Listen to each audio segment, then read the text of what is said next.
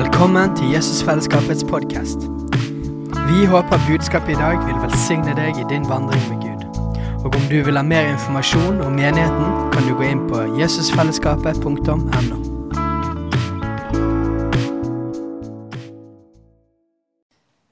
Det er mm, noe så Forrige søndag begynte Fre- Fredrik å snakke om eh, Jesus. Og vi skal jo fortsette å snakke om Jesus. Kanskje ikke så overraskende. Vi er jo en eh, menighet som tror på Jesus. Og vi heter jo Jesusfellesskapet. Så det er jo kanskje ikke så rart at vi skal snakke om Jesus. Men eh, vi kommer til sannsynligvis en god stund til å snakke om ulike karaktertrekk, ulike sider ved Jesus eh, framover.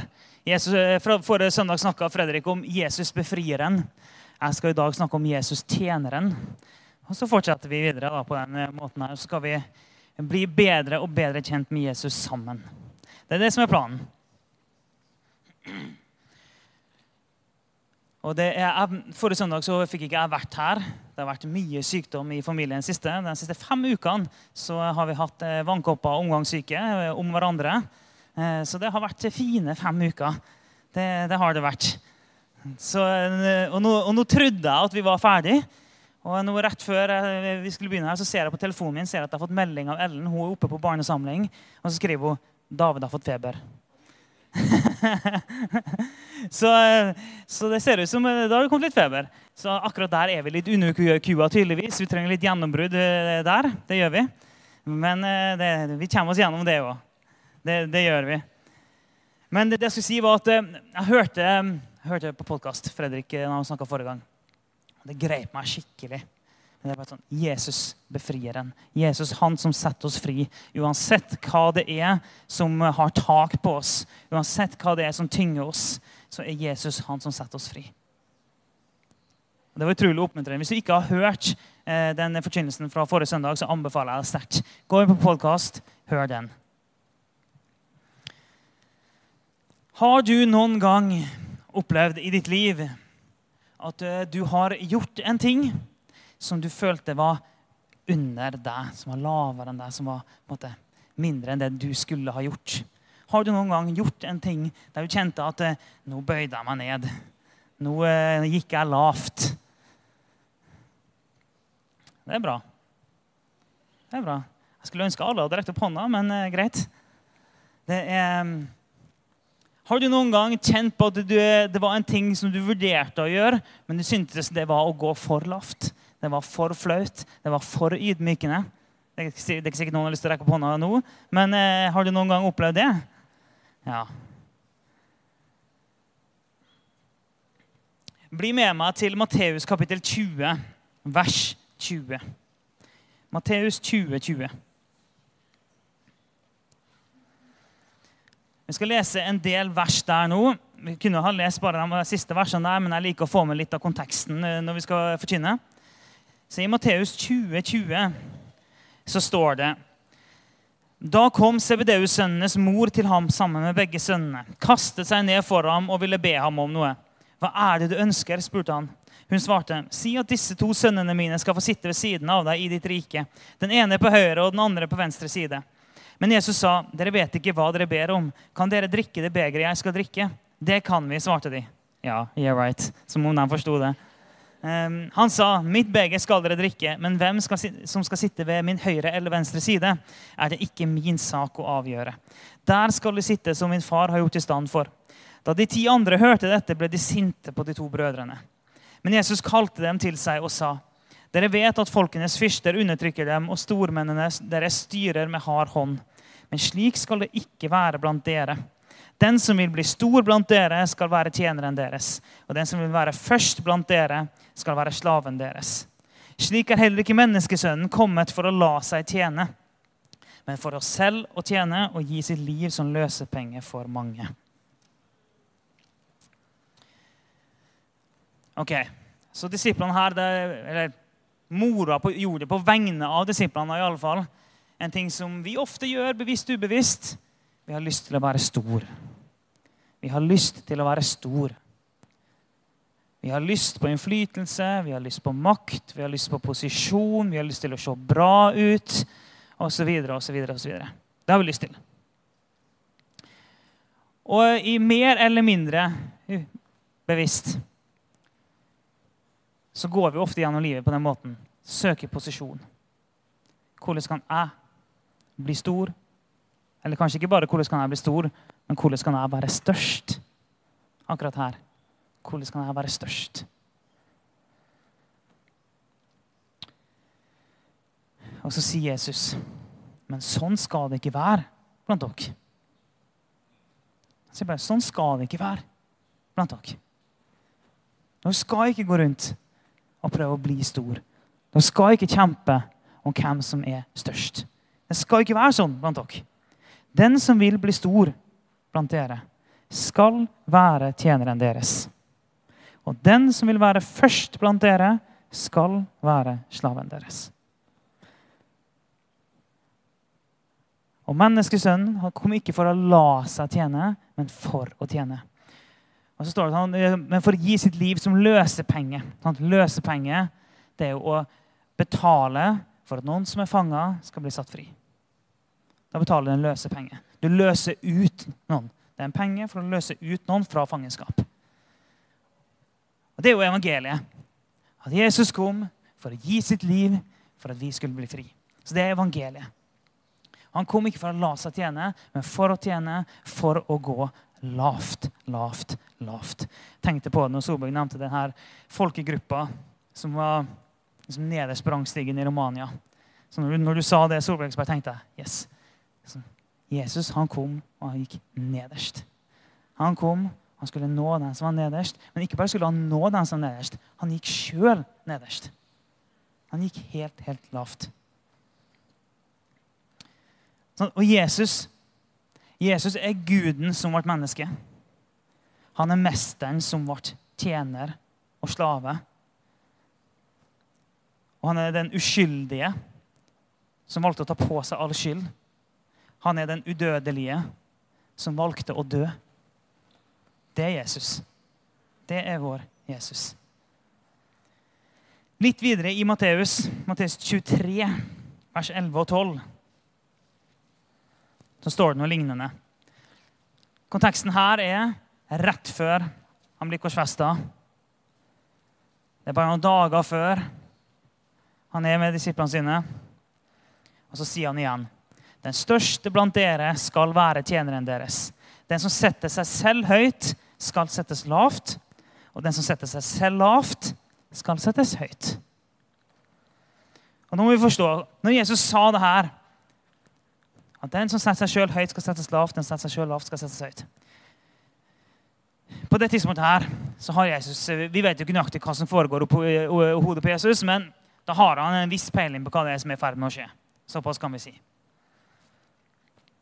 Og Han har eh, såpass peiling på hva som skal skje, at rett etter han har sagt det her, så går han ut i hagen og han eh, sier til Gud Gud, hvis det er mulig, la meg få lov til å slippe. Så han har såpass mye peiling på hva det er som venter han. At han, har, han vet hva som venter foran, og han har lyst til å slippe. Han vet det er så fælt, det som ligger foran han, at han, hvis det er mulig, Gud, så la meg slippe. Men ikke som jeg vil, men som du vil. Hvorfor? Jeg har kommet ikke for å la meg bli tjent, men for å tjene, for å gi mitt liv som løsepenge. Derfor har jeg kommet. Så ikke min vilje, men din vilje. Men det vi må forstå, Han sa det her rett før han ble korsfesta.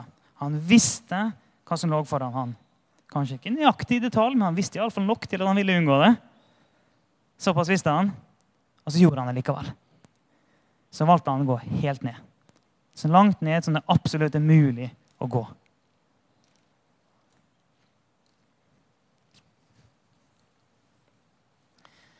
Bli med meg til Filippe-brevet, kapittel 2. Og Da vet mange av dere med en gang hva vi skal snakke om. Filippe-brevet, kapittel 2. Vi begynner å lese fra vers 1. Selv om jeg er mest vant med å lese fra vers 5, men vi begynner i vers 1. Om det da er trøst i Kristus, oppmuntring i kjærligheten, fellesskap i ånden, om det finnes medfølelse og barmhjertighet, så gjør nå min glede fullkommen. Ha samme sinnelag og samme kjærlighet, vær ett i sjel og sinn. Gjør ikke noe av selvhevdelse og tom ærgjerrighet, men vær ydmyke og sett de andre høyere enn dere selv. Tenk ikke bare på deres eget beste, men også på de andres. La samme sinnelag være i dere som også var i Kristus Jesus. Han var i Guds skikkelse og så det ikke som et rov å være Gud lik, men ga avkall på sitt eget, tok på seg tjenerskikkelse og ble menneskelik. Da han sto fram som menneske, fornedret han seg selv og ble lydig til døden, ja, døden på korset. Derfor har også Gud opphøyd ham til det høyeste og gitt ham navnet over alle navn i Jesu navn skal derfor hvert kne bøye seg, i himmelen, på jorden og under jorden, og hver tunge skal bekjenne at Jesus Kristus er Herre, til Gud Faders ære. Her er det mye. Og Vi skal være litt forsiktige med å lage for sånn tydelige rammer på eh, hvordan eh, Gud tenker og handler. og sånn. Det er mm, for at eh, Han er Gud, vi er ikke.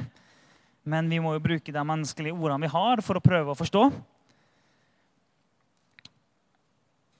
Ok, Se for dere.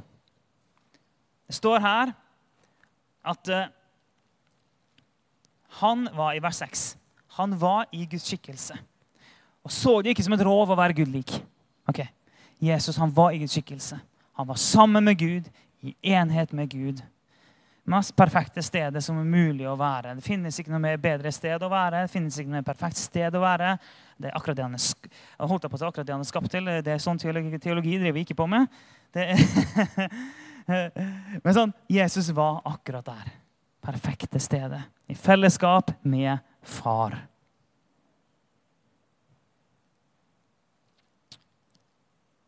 Og så så han det ikke som et rov å være lik Gud. En litt sånn tungvint uh, norsk oversettelse på det, kan du si. Men det var en ting han Jesus var, han, Det var ikke en ting han måtte holde fast på. Og holde hardt fast på. Okay, han er på det mest perfekte stedet. Det finnes ikke noe bedre sted å være enn i enighet sammen med far. Der er han. Og så gir han avkall på sitt eget. Jesus velger å gi avkall på sitt eget. Tar på seg tjenerskikkelse og blir menneskelik. Det er jo inkarnasjonen, Det er at Gud blir menneske. Han var hos Gud, han var Gud. Og så velger han å bli menneske, ta på seg tjenerskikkelse, gi avkall på sitt eget. Og akkurat det her tror jeg ingen av oss egentlig forstår. Hva som står i de ordene her. Og Vi kan prøve å, å, sette oss inn i det fra våre egne liv, men vi er jo ikke i nærheten av det. Men vi må jo prøve likevel. Det, det, vi må jo komme så nært vi kan, selv om det er langt unna. Se for deg din aller beste tilværelse i livet. Prøv å se for deg den aller beste tilværelse i livet. Der alt er perfekt for deg. Og så skal du velge å gi, å gi det opp for noen andre. Og Det er ikke sikkert du klarer engang å, å se det for deg. Men det, det, er det vi må prøve, samme hvor ufullstendig det blir. Den mest perfekte, perfekte tilværelse du kan forestille deg. Prøv å forestille deg hva den mest perfekte tilværelsen din vil være. Og så må du prøve å tenke at det skal du frivillig, ikke fordi noen tvinger deg til det, men frivillig så skal du gi det fra deg for noen andres skyld. Men ikke bare skal du gi det fra deg, du skal bytte det inn mot noe som er noe helt annet. I helt andre enden av skalaen. Når du velger å dø.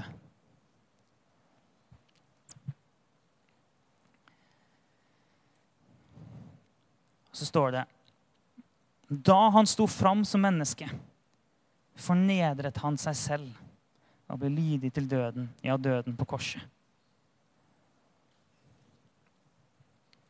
Når han fornedra seg sjøl, så satte han seg sjøl nederst.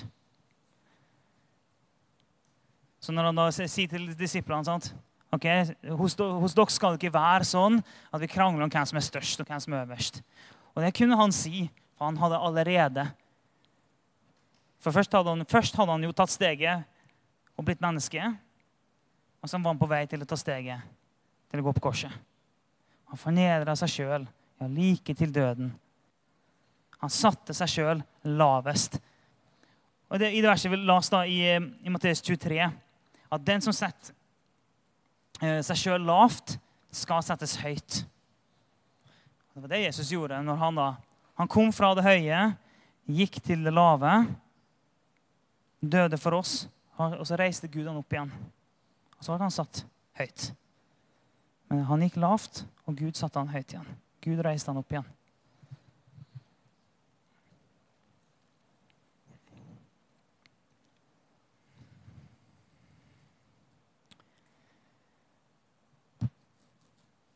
Og Det står også i vers 9. Derfor har også Gud opphøyd ham til det høyeste. Derfor. For at han var i Guds skikkelse. Han så det ikke som rå var Gud lik. Han ga avkall på sitt eget. Han tok på seg tjenerskikkelse. Han ble menneskelik. Han fornedra seg sjøl. Han var lydig til døden. Derfor løfta Gud ham opp til det høyeste. Og i Jesu navn skal derfor hvert kne bøye seg. I himmelen, på jorda, under jorda, og hver tunge skal bekjenne at Jesus er Herre. Derfor. For at han var villig til å gå nederst. Og det at Jesus var villig til å gå lavt, men ikke bare lavt, gå helt til bunnen, det forandra alt. At Jesus var villig til å gå lavt, forandra alt. Og hvis vi er villige til å gå lavt, så kan vi forandre mye mer enn det vi ser for oss. Hvis vi er villige til å gå lavt i våre relasjoner, så kan det forandre relasjoner. Om det er venner, familie, ekteskap, eller kollegaer eller naboer, eller hva enn det er. Går vi lavt, så skjer det noen ting. Og jeg har jo ikke vært gift i 50 år ennå, men jeg planlegger for å, være gift i 50 år. det gjør jeg. Men jeg har ikke nådd det merket helt ennå. Um, men jeg har jo likevel erfart at det er bare i ekteskapet Hvis jeg bare går litt lavt, så blir det veldig mye enklere med en gang. det blir veldig mye enklere med en gang. Det er, det er, lite som ikke ordner seg hvis bare én av oss ok, velger å gå litt lavere. Velger å ydmyke seg litt. Og det er litt sånn at Den første som gjør det, den burde ha fått en premie. Den første som velger å gå lavt når ting er litt vanskelig, det er den som har starta prosessen med å, å, å, løse opp den tingen som er litt vanskelig. Så hvis vi går lavt, så begynner ting å skje. Og det ultimate eller kanskje ikke ultimatum, et veldig sterkt bilde på det finner vi i Johannes 13. Bli med meg til Johannes 13, så skal vi lese ganske mange vers. Her, Vi skal lese hele 17 vers.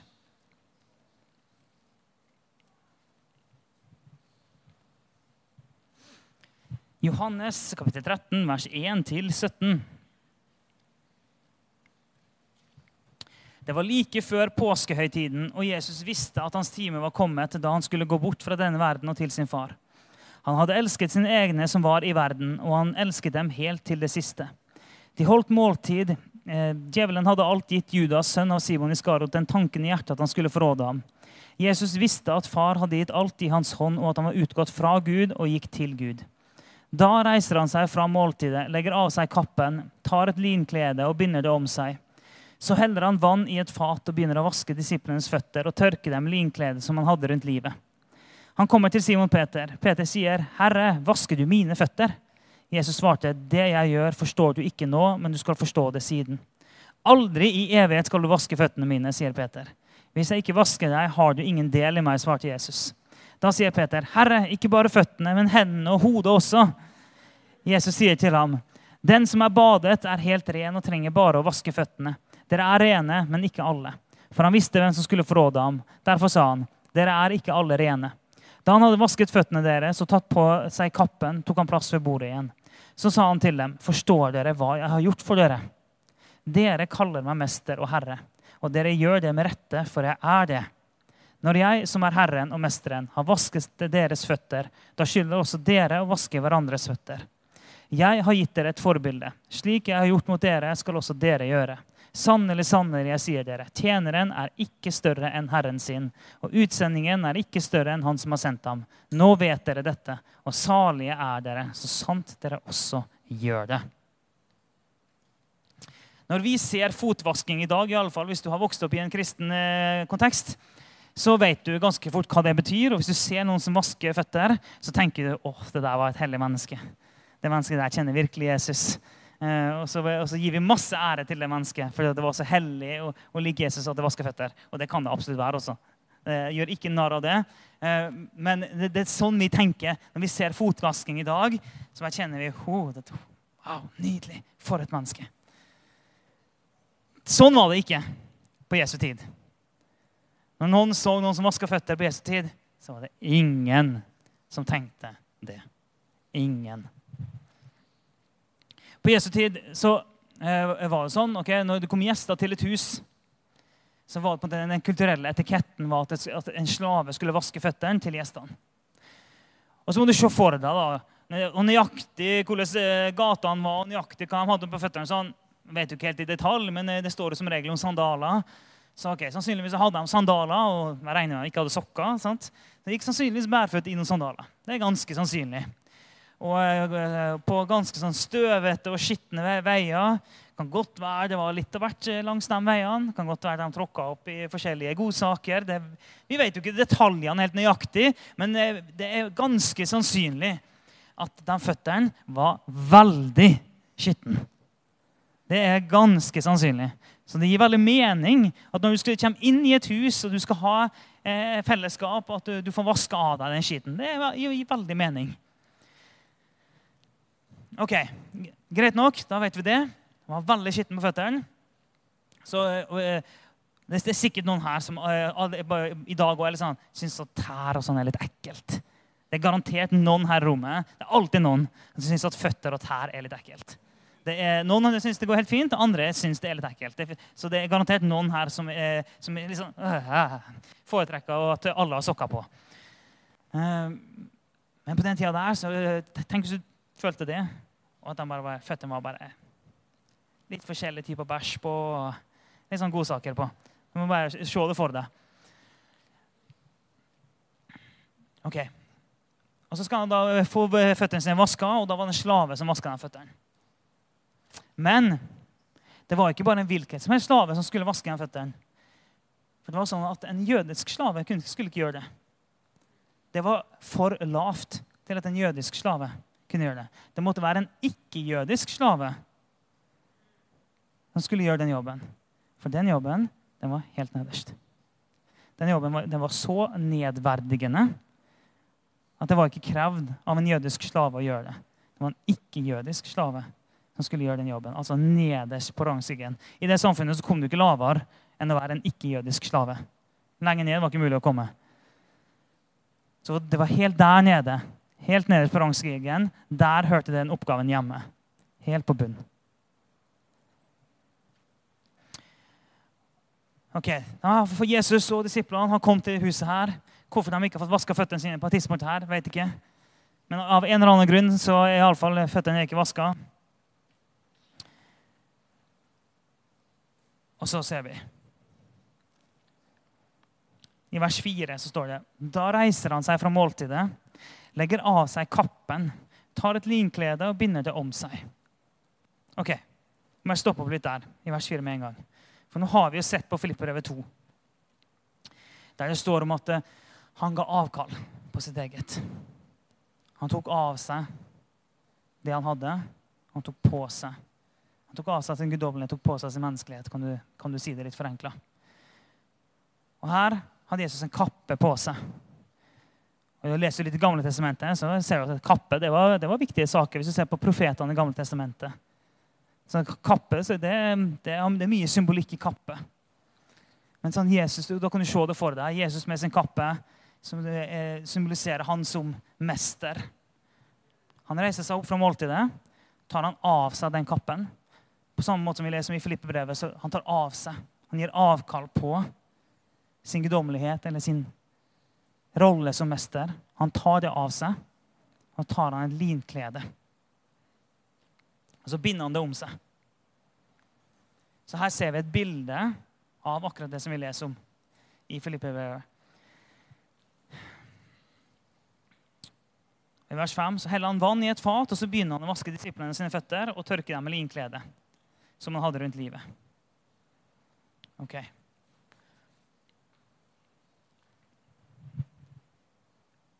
Og igjen, her er en sånn situasjon vi bare vi klarer ikke å få hodet vårt rundt det. Vi forstår ikke nok verken hva Jesus egentlig har gjort, og vi forstår ikke nok av den kulturelle konteksten til å forstå sprengkraften i det som foregår akkurat her. Jesus som sier han er Gud. Jesus som er mester. Han, gjør, han går helt til bunns. Så gjør han noe som bare ikke-jødiske slaver skal gjøre. Jesus velger å innta den laveste rollen som var mulig for han å innta. Den laveste rollen, den mest ydmykende rollen, den mest nedverdigende rollen, den mest nedverdigende oppgaven han kunne finne. Den velger han å ta. For å tjene, for å elske. For han hadde ikke kommet for å la seg tjene. Han hadde kommet for å tjene. Han hadde kommet for å gå lavt. Det var derfor han hadde kommet. Og, sånn, og ikke nok med at han var Gud og valgte å ta på seg menneskelig skikkelse. Bare det alene det er, jo, altså, det er jo, heftig nok i seg sjøl. Men altså, det, da kan du tenke at ja, men da skulle han i det minste fått lov til å leve som konge på jorda. Da. Han kunne i det minste gjort det. Han hadde gitt avkall på alt det der. Kunne i det minste det, eh, fått lov til å leve som konge her. Men nei da. Han bare fortsetter på den reisen nedover som han har begynt på.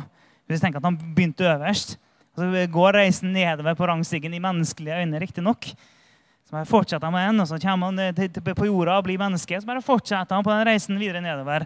Videre nedover i samfunnslagene. Så fortsetter han på den reisen nedover, nedover, nedover, nedover, nedover, nedover. Mer og mer ydmykende, mer og mer ydmykende. Han fortsetter helt til han kommer til bunns. Han fortsetter helt til det ikke er noen som er under han. Så langt ned går Jesus. Han går så langt ned at det er ingen som lenger er under. Så han kan gå, kan gå helt ned. Under absolutt alle sammen. Under hele menneskeheten. Og sånn. Så kan han dø der, så kan Gud reise han opp. Og alle sammen med han.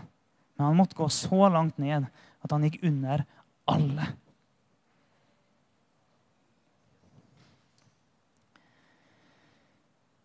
Og så sier han da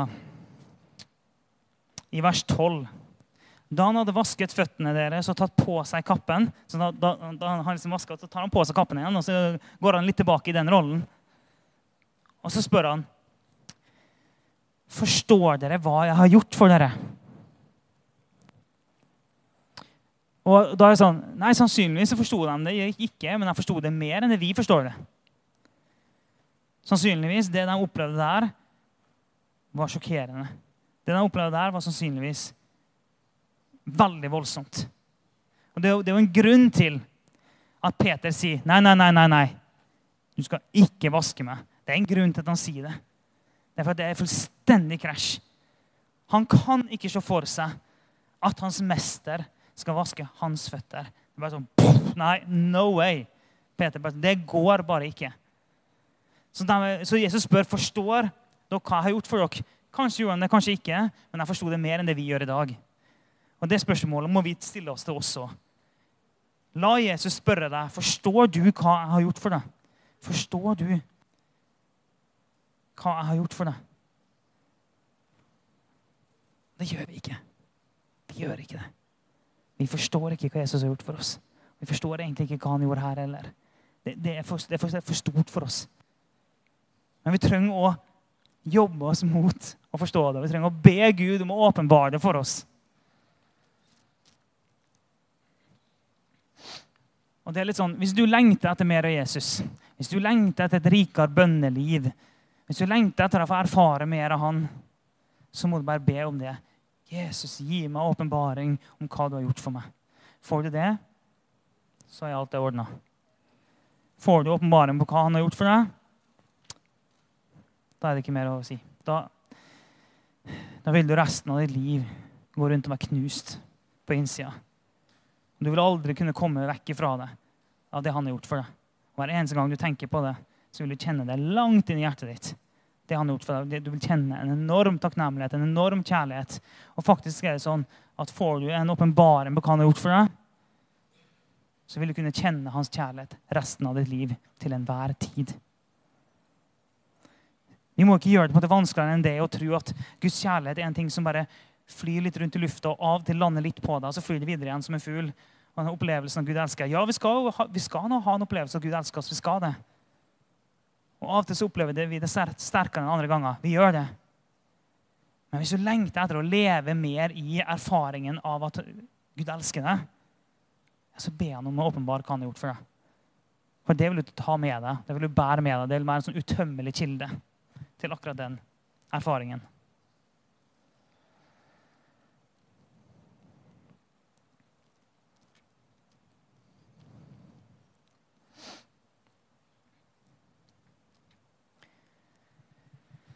Og så sier jo Jesus da, litt videre, vers 15 og 16.: Jeg har gitt dere et forbilde. Slik jeg har gjort mot dere, skal også dere gjøre. Sannelig, sannelig, jeg sier dere, tjeneren er ikke større enn Herren sin, og utsendingen er ikke større enn Han som har sendt ham. Ja, og for så vidt eh, Litt før det da, så sier han jo at eh, altså I vers 14 Når jeg, som er Herren og Mesteren, har vasket deres føtter, da skylder også dere å vaske hverandres føtter. Det, altså, tydeligere enn det her kan ikke Jesus si det at det jeg gjør, det skal dere gjøre. Det finnes ingen sjanse til at du kan slippe unna. Det er sånn, du har ingen vei unna. Det fins ingen utvei her. Er ingen måte å komme deg unna. Det er et nett du ikke kan unnslippe. Eneste måten du kan unnslippe det her på, det er at du må si at du er over han. Er det noen som har lyst til å si det? Jeg er større enn Jesus. Du kan prøve. Men det eneste måten du kan slippe unna på For han, på grunn av det han har gjort, for han gikk lavest av det lave. Han gikk helt til bunns. Og så sa han, 'Når jeg gjør det, som er mester' Men ikke bare mester. Når jeg gjør det, som er Gud Da må alle andre som følger meg, gjøre det samme. Og ingen av oss slipper unna. Så det går ikke an, Når vi skal snakke om Jesus som tjener, så er det helt umulig å snakke om det uten å, å samtidig snakke om den utrolig tydelige utfordringa til oss om å gjøre det samme. Og Det kan se ut på så mange ulike måter. Det kan se ut som å dra til Romania. Til det folkeslaget som er helt nederst på rangstigen der. Det kan være én ting. Og det finnes mange misjonsmarker så det er definitivt en, et uttrykk det kan få. Så kan det få mange andre uttrykk òg.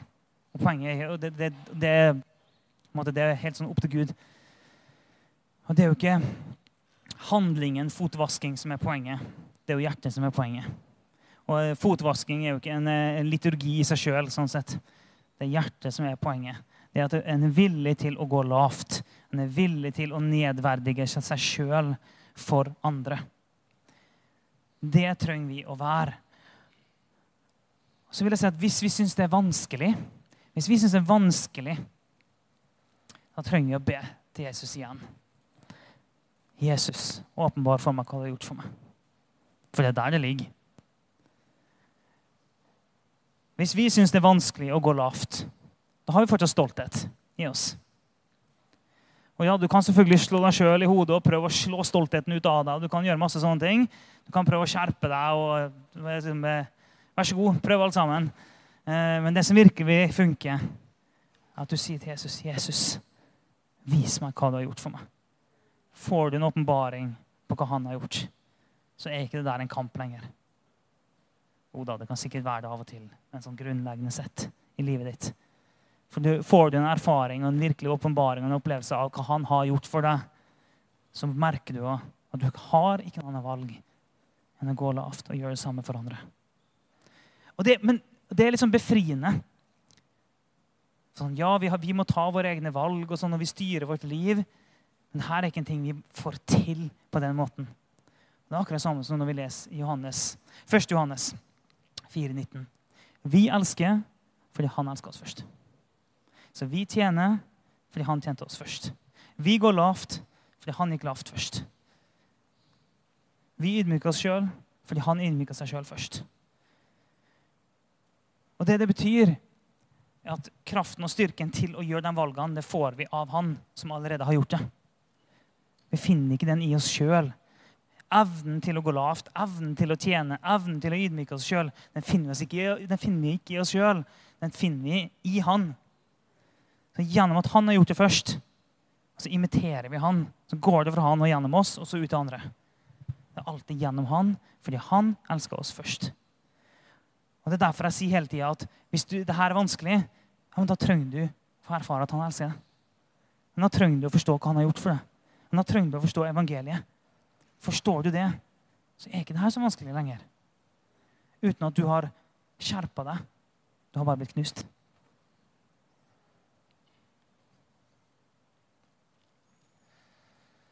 Og så eh, har vi en litt sånn rar om jeg skal kalle det rar, men den kan, være, kan kanskje være sånn rar denne greia med når Peter sier nei, nei, nei, ikke vask meg.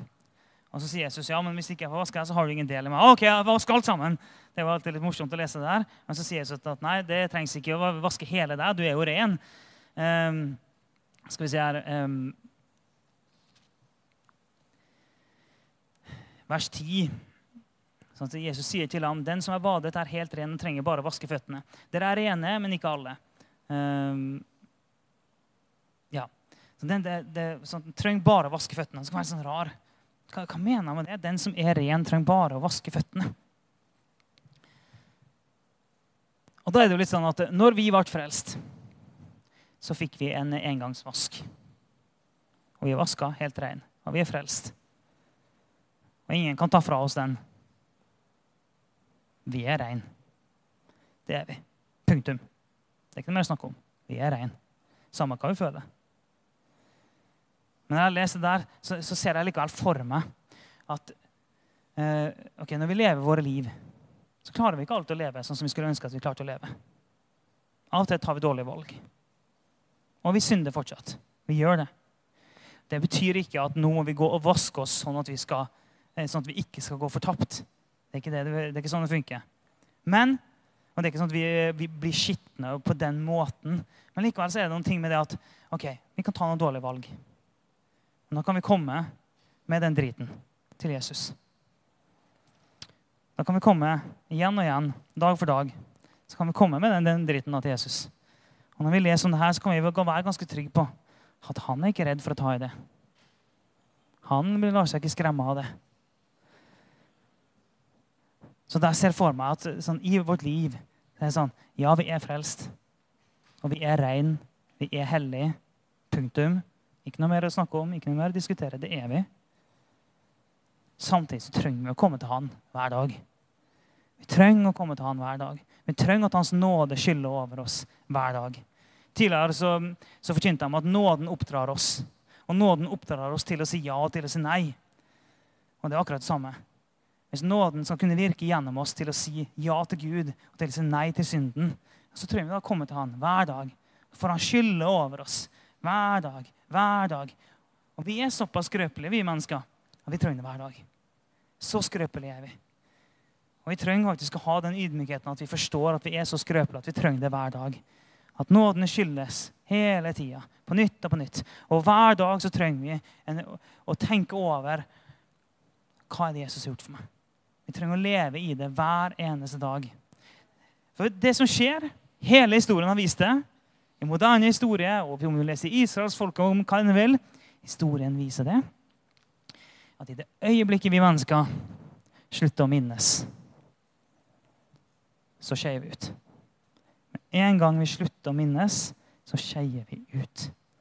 Det er en grunn til at når vi leser i Gamle Testamentet om at de satte opp masse minnesteiner minnesmerker, og sånn, her gjorde Gud det. Og her gjorde Gud det. Og her gjorde Gud det. Han skulle ikke glemme. Han skulle eh, fortelle det videre til sine barn og barnebarn. Og de skulle leve videre i bevisstheten. Her har Gud gjort det og det og det. og det. Og Vi mennesker vi fer vill hele tida. Det var noe jeg tenkte på når For et og et halvt år siden så var jeg og noen venner um, En gjeng herfra var jo i Auschwitz. Konsentrasjonsleir. Jeg er historieinteressert, så jeg visste veldig godt hva som har foregått der. Jeg har lest masse om det. Men å gå der sjøl og minnes det som foregikk der, det var en helt sånn her skjellsettende opplevelse. Det var helt rystende. Og Det var òg en åpenbaring egentlig på hvor viktig det er å ha fæle minnesmerker òg. Bare sånn Wow! Det, vi må huske på det her for at dette ikke skal skje igjen. Vi må faktisk huske på det her for å vite at det der må vi holde oss langt unna.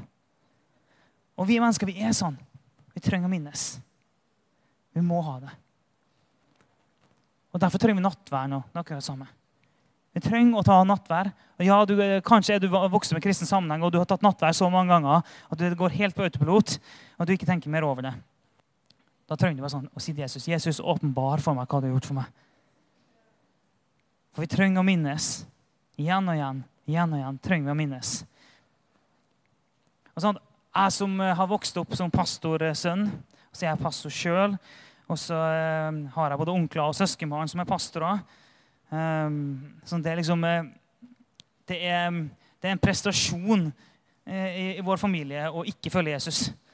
Sånn, sånn, er det hos oss nesten. Sånn har jeg vokst opp. Og det er klart at Da er det, da er det en del ting som kan gå litt på autopilot etter hvert. Når alle de vanlige tingene i måte, kristenlivet har jeg vært igjennom 100 000 ganger, føles det ut som. Og da trenger jeg å sånn Gud, hva har du gjort for meg? Gud, åpenbare på nytt og på nytt og på nytt hva du har gjort for meg. Og jeg fortalte om det når jeg forkynte før jul, tror jeg det var. En opplevelse jeg hadde som jeg har bare båret med meg hele tida siden da, om hva Jesus har gjort for meg. Som brennemerka meg. Altså, wow. Du gjorde det for meg, Jesus. Du ga ditt liv for meg. Og det trengte jeg. Og jeg tror vi alle trenger det. Så vi kan ta det med oss og minnes.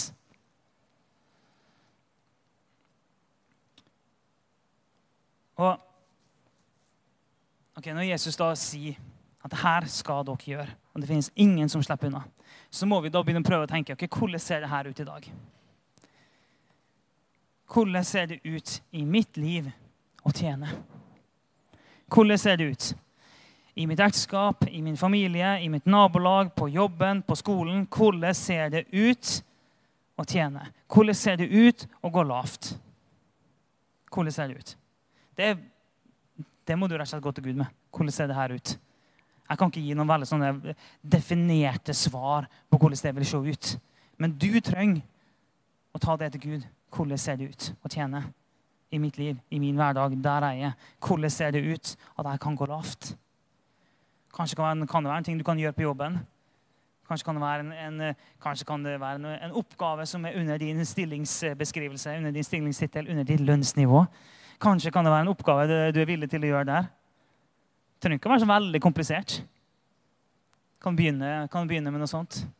Eller hvis du står som jeg nevnte, da, bare i ekteskapet. Av og til, for folk som er gift, vet du det, at av og til når du er gift i alle fall, Kanskje er det ikke sånn hos dere. Det kan godt være at dere er mer Jesus liker meg. det er sannsynligvis. Men i mitt og Ellens ekteskap, i alle fall, og alle vet at Ellen er jo en engel, så da vet dere hva problemet er meg. Men, men i, i, vårt ekteskap så er det i alle fall sånn da, at at det er Av og til så blir ting litt vanskelig. Så blir jeg av og til litt sint. Og så synes jeg at hun bør skjerpe seg. Og så synes jeg at hun bør omvende seg. Og så synes jeg at hun bør be om unnskyldning. Og så har jeg lyst til Og jeg må si at det, det, det, er du som må skjerpe deg. Jeg gjør ingenting før du, før du går lavt. Så jeg står her oppe. Her oppe står jeg. Jeg, jeg gjør ingenting før du går lavt. Det har jeg lyst til å gjøre noen, noen ganger. Jeg har gjort det noen ganger. òg. Det har jeg. Um, funker det? Nei, det gjør ikke det. Det funker veldig dårlig. Men den gangen jeg har de følelsene, så føler jeg veldig sterkt at hun bør gå lavt. Og så klarer jeg av og til, heldigvis, å gå, gå lavt først. Bøyer meg ned og sier unnskyld. Så bare Snur hele greia med en gang. Det er ikke alltid jeg klarer det, men av og til. Og det funker. Og sånt, det, sånn er I relasjoner som kan være vanskelige, så vil det funke.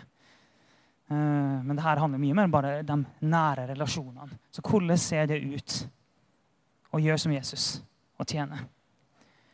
Hvordan ser det ut å tjene som Jesus? Det er Ja. Det får være, egentlig den bønnen. Og så er det ungene begynner å komme. Så da er det på tide at uh, snart kommer det sikkert et rush ned òg. Men det er greit. Klokka er snart ett, så vi kan gå inn i en bønn. Jesus, først og fremst vil jeg bare takke deg for det du har gjort for oss. Takke deg for din villighet og din kjærlighet til å elske, til å tjene, til å gå lavt. Takke deg for det, Jesus. Og vi elsker deg. Vi elsker deg for det. Du elsker oss først, og vi vil elske deg tilbake. Så tusen, tusen takk, Jesus. Du er stor. Du er mektig. Du er Gud. Og vi tilber deg, Jesus. Så ber jeg Jesus om at du skal åpenbare for oss alle sammen hva du har gjort for oss. Jeg ber om at du, skal, at du skal kunne stille det spørsmålet som du stilte. Forstår dere hva jeg har gjort for dere? Og at vi kan si ja. Jeg ber om at vi skal kunne svare ja på det spørsmålet. At vi forstår hva du har gjort for oss. At vi forstår at du gikk lavt. Jeg ber om at det skal bli en åpenbaring, en sterk erfaring for oss alle sammen. Hva du har gjort for oss. Som vi kan ta og bære det med oss dag for dag, uke for uke, inn i alle situasjoner og omstendigheter vi står i. At vi bærer det med oss, hva du har gjort for oss. Sånn at vi kan ligne på deg. Sånn at vi kan tjene deg, og sånn at vi kan tjene andre. Så åpenbar det for oss, Gud hva du har gjort for oss. I Jesu navn. Amen. Hei, alle sammen. Det er Katrine og Steinar Lofnes her. Vi er hovedledere for Jesusfellesskapet. Så kjekt du har lyttet til denne podkasten. Har du forresten hørt noen av de andre podkastene våre? Ukens tale, Disippelskolen, Hyrdepodden, Kulturkrigen og Mammas hjerte. Du finner disse podkastene på Spotify, Apple Podkaster og på nettsiden vår jesusfellesskapet.no.